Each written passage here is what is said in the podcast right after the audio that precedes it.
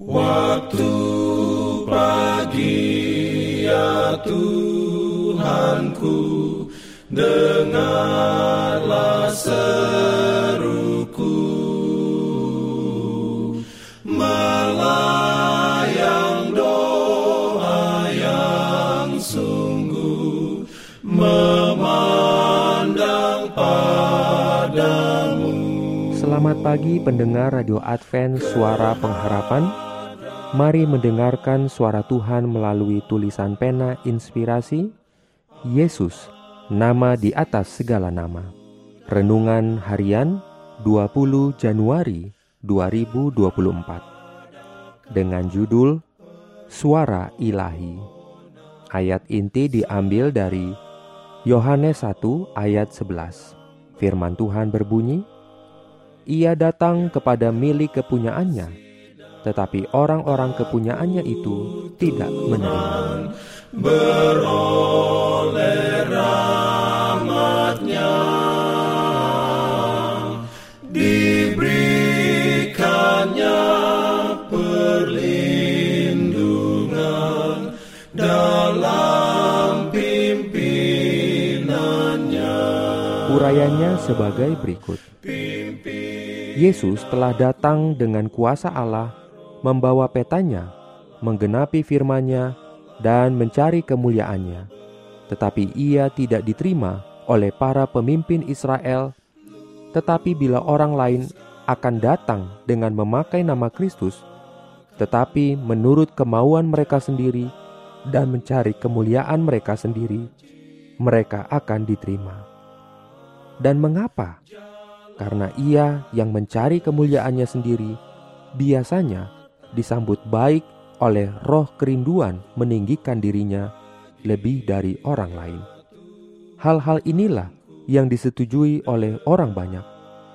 Mereka menerima guru palsu karena memuja kesombongan mereka itu dan meninggikan pendapat dan tradisi mereka yang dibanggakan itu.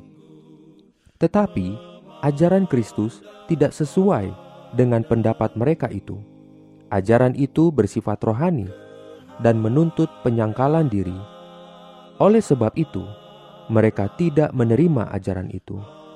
Mereka tidak mengenal Allah, dan bagi mereka itu suaranya melalui Kristus adalah sebagai suara seorang asing. Bukankah hal yang sama pula telah terulang pada zaman kita ini? Bukankah banyak orang sampai kepada para pemimpin agama? Sedang mengeraskan hati mereka itu dalam menentang roh suci, sehingga mereka tidak lagi mengenal suara Allah? Bukankah mereka itu sedang menolak firman Allah agar mereka dapat memelihara tradisi mereka itu sendiri? Sebab jikalau kamu percaya kepada Musa, kata Yesus, tentu kamu akan percaya juga kepadaku, sebab ia telah menulis tentang aku. Tetapi jikalau kamu tidak percaya akan apa yang ditulisnya, bagaimanakah kamu akan percaya akan apa yang kukatakan? Kristuslah yang telah berkata kepada orang Israel melalui Musa. Jika mereka mendengar suara ilahi yang berkata melalui pemimpin besar mereka, mereka akan mengenal suara itu dalam ajaran Kristus. Jikalau mereka percaya pada Musa, mereka harus percaya akan Dia yang telah dituliskan oleh Musa. Yesus telah mengetahui bahwa imam-imam dan rabi-rabi berniat untuk membunuh dia.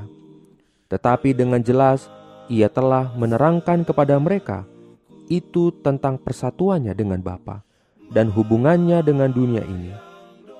Mereka melihat bahwa tuduhan mereka terhadap dia tidak beralasan sama sekali, tetapi kebencian dalam hati mereka belum juga padam. Mereka menjadi takut bila mereka menyaksikan kuasa yang besar berada dalam pekerjaannya, tetapi mereka tetap menolak panggilannya dan menutup diri mereka dalam kegelapan.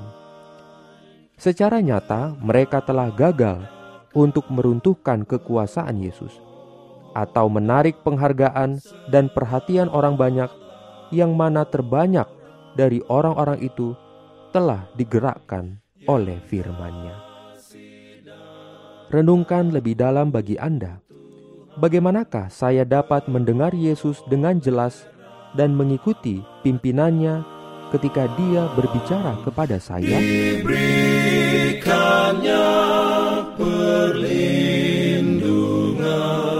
Dalam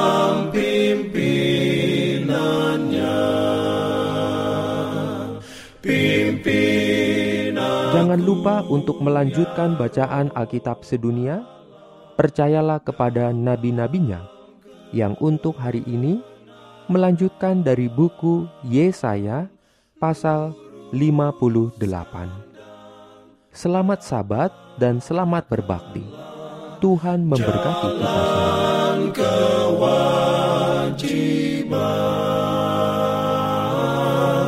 Jalan